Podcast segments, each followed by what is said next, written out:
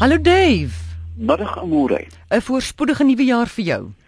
Ek is jammer om vir jou te sê die jaar was vir my nog baie lank. 2016 het nou lank genoeg aangehou. Maar ah. vir jou en die luisteraars uh, baie baie goeie wense. Dankie Dave. Ek hoop hierdie jaar gaan een op ander tyd vir jou bietjie korter voel. Hy moet draai. Amore, hy moet draai. Ja. Sê my, wat dink jy is die effek van hierdie droogte op die natuurlewe? Amore, 'n dag of 3 gelede ry ek oor die Pietenierskloof pas. Is dit nie 'n mooi naam nie? Baie. 'n Daar van Citrusdal se wêreld af af na die vlaktes toe. Weet jy, in hierdie suidoos huil oor die berg en dis hier knap na die 40 grade. En langs die pad sit 'n trop uitgeteerde bobbejane en eet uh, die blare van suurvye. Weet jy, en dit tref my reg oor ons land met hierdie verskriklike droogte. Eerstens die primate. Nou, ek trap hier op ganseiers. Ons weet hoe die boere voel oor bobbejane en ons weet hoe hulle voel oor ape wat soveel skade aanrig. Maar ek dink ons moet ook net vir 'n oomblik aan hulle dink. Die ons die mens het hulle wêreld beset. Hulle het nie ons wêreld binne gedring nie. Ons moet dit onthou. Ons is besig om hulle wêreld kleiner en kleiner te maak. Kan jy jou indink wat gaan gebeur met die bergbrande op Tafelberg? Daar is 'n helse lot bobbejane en hulle voedingsgebied word nou by die oomblik kleiner. Hier gaan konflik kom amorei en groot konflik baie gou. Nou, ek wil nie voorskryf wat jy moet doen nie want ek kan nie. Dis nie my my saak nie. Ek weet hierdie diere maak groot skade, maar ons moet in gedagte hou dat hulle werklik geen heenkome het. Hulle het nie.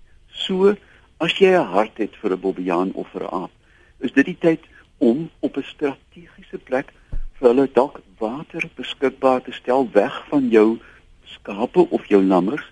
Is dit dalk moontlik dat jy vir die stomme goed dalk mielies met miet in of wat ook ek die boere gaan my skree jy's mal, moenie die mm. goed voer nie. Maar hulle gaan hulle gaan vrek. Ehm um, en uh, ons moet ook onthou aan môre dat 'n 'n land soos ons wat wat waar droogte die norm is is reën, vloede en droogte juis die elemente wat die natuur puls, né? Met na die na die reën maak die voeltjies nes, maar voor die reën vrek hulle. So, ons moet ook toelaat dat in die natuur sy gang gaan. Ons kan nie alles aan die lewe hou nie. En dan as jy boer, kom jou diere eerste, uiteraard. Maar ek ek voorspel regtig waar dat ons moet nou begin dink aan wat gaan ons doen met veral die primate wat se wêreld bitter klein geword het met hierdie droogte. En ons moet dit met deernis en met menslikheid hanteer. Ons hoor ook van slange wat mens nou in die stad begin te vind of in dorpe. Absoluut. Absoluut. Ek ek weet ek ek ek bestudeer die klein rooi valk byvoorbeeld al 'n leeftyd lank. Ek was gisterand op Wellington waar hulle in 'n boom slaap. Daar is heel daar is duisende meer as gewoonlik omdat die droogte hulle suidwaarts druk. Hmm. En jy weet die droogte kan druk en dan druk hulle in die see in en dan hulle, hulle moet terugvlieg aan môre na Rusland toe, na Kazakhstan toe, na Mond. Hierdie voeltjies moet Kazakhstan toe vlieg. Om te kan vlieg met hulle 30% van hulle liggaamsgewig aan vet opbou voor hulle vertrek. Sjoe. En nou kan jy jou net indink, jy weet hierdie gaan 'n verskriklike jaar vir ons vir die natuur wees. Maar in die lange duur is dit hoe die natuur werk natuurlik. Iemand vra hier, wat het van die swaakies geword op ons plaas in die Vrystaat? Is daar hierdie jaar niks? Ja, uh, ek het ook 'n ding ehm um, gisteraand ehm um, uh, ry ek en my my lewenslange vriend Uncle Bobo ehm um, my voelkenner vriend en skielik sien ons Europese windswaals in derduisende oor Wellington. Hulle is suidwaarts gedruk. Hulle probeer desperaat na plekke kom waar daar nog iets te vreet is. Met ander woorde, die normale verspreiding van diere vir jaar is totaal omvergewerp. Ek dink ook aan swaakies wat hulle modderhuise wil bou. Daar's nie genoeg water vir modderhuise nie. Ja, weet jy, ek het 'n ek het nou 'n drinkplek in my tuin gemaak en dit is so warm dat ek dit elke dag moet aanvul. Um, maar ek is verstom oor hoeveel voeltjies kom. Jy weet in die somer eet voels gewoonlik nie by my by voede nie. Hulle drom saam want daar is selfs nie meer saaitjies oor nie. Ehm um, so elkeen kan uiteraard, ek weet ek kan nie die hele wêreld se diere red nie, maar jy kan jou siel in 'n mate red deur iets vir een of ander dier te doen. Kom ons neem ons eerste oproep. Charlotte, goeiemiddag. Hi, goeiemôre uh, Amorey. Uh, dis Luther Venter hier so, ek bel van die Noord-Kaap, uh, Kimberley. Uh ek het twee wel twee vrae vir Dave. Uh die eerste ene is uh ek het hier uh, so so vetplant hier in my erf uh, in 'n wel is eintlik 'n potplant. En uh hy het so stervormige pink blommetjie en hy lok vliee maar nie uh, al die vliee nie hy hy, hy lok spesifiek die uh die groen brommer. Uh -huh. Maar uh die ding wat ek oplet is die brommers gaan in uh en hulle uh vreet iets daaronder en dan kom hulle vreeslik dronk uit. Dit is nie asof hy hulle wil vang nie. Uh kan jy my sê wat is die aantrekking vir die of wat is die uh, uh relationship hmm. ja. van die uh, brommer na hierdie Stapelia uh grandiflora ja. en dan uh ook hoekom trek hy net die groen brommers? Goed, kom ons begin dan by die by die die aasblomme is sy algemene naam, né? Want daai ding stink dat jy steier. Jy weet op 'n warm dag as jy by hom verbygaan. Nou plante het baie spesifieke verhoudings met die pollinators, met ander woorde die bestuivers wat spesifiek Skus gou, skus gou Dave. Richard, kan jy luister by jou radio? Ons so dis 'n bietjie onduidelik.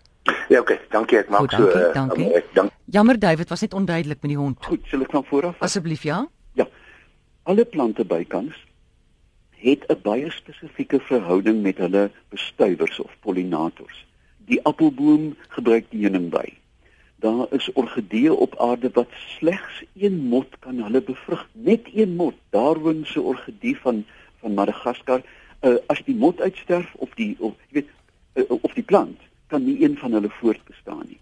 Met die uh, stapelias het hulle hulle reuk alhoewel dit vir ons net na stink ruik. Uh, dit is skattone wat daarin voorkom uh, van skat uitwerpsel. Wat 'n spesifieke brommer of groep brommers dan lok om hulle te bestuif. Met ander woorde, die die die parfuum wat die blom, die stank parfuum wat hy maak, is spesifiek gemik op 'n pollinator. 'n Stapelia spesies langsaan of nie verwant nie, sal 'n ander ehm, um, reukkomponent hê wat die vlieg en die brommer lok wat hom of wel uit dit haar kan bestuif. Met ander woorde, dis 'n ragfyne verhouding tussen plant en dier. En dit is nie sommer lukraak nie. Hierdie hierdie stanke wat oor die veld dwarrel het te doen met 'n baie spesifieke pollinator. Nou die een in in jou tuin byvoorbeeld het 'n uh, lok nou die blou blomme, uh, blou of groen brommer. Daar is ander stapelias wat huisvlee lok ensovoorts ensovoorts. So wat jy eintlik beskou as jy jou neus kan toehou, is een van die groot wonderwerke van die plantrykdom.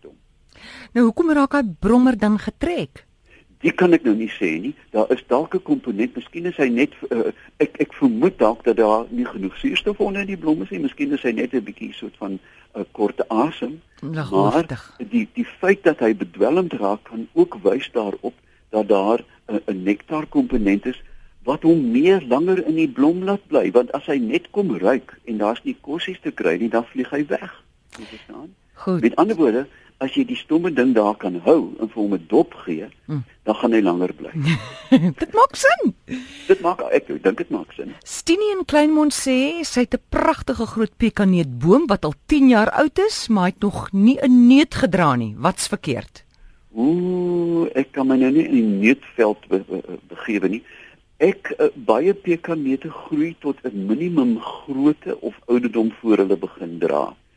Um, ek kan nie sê nie ek weet nie of dit 'n vrugbare plant in die van die begin af was nie. Mm. Jy verstaan? Het hy van 'n van 'n kyk as hy van 'n kultivar op sê net maar jy het 'n pekaneet geplant en dit was 'n baie spesifieke kultivar, dan het die plant genetiese het 'n genetiese komponent ingebou sodat jy hom nie kan vermeerder met sade nie. Kyk as jy die lieflikste blomsaad oor see koop, né?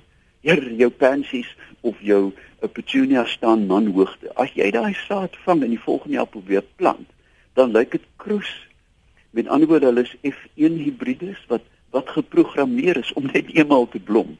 En ek het dalk 'n vermoede dat dit dat dit 'n baie spesifieke plant is wat van 'n saad opgekom het waar die genetiese gesê het moenie vir die man vrugte gee nie. Ek ek ek kan 'n hmm. bietjie navorsing doen en terugkom op my Facebookblad. Goed, Anita wil weet hoekom kry mense nie vlee somersaande nie?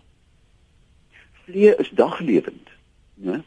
Uh, as jy 'n vlieg in jou huis het en jy sit 'n baie sterk lig aan, dan pla jy tot in die nag. Ek weet brommers byvoorbeeld, ek het nou 'n rot doodgemaak op my plafon. Het jy enige idee hoe dit ruik?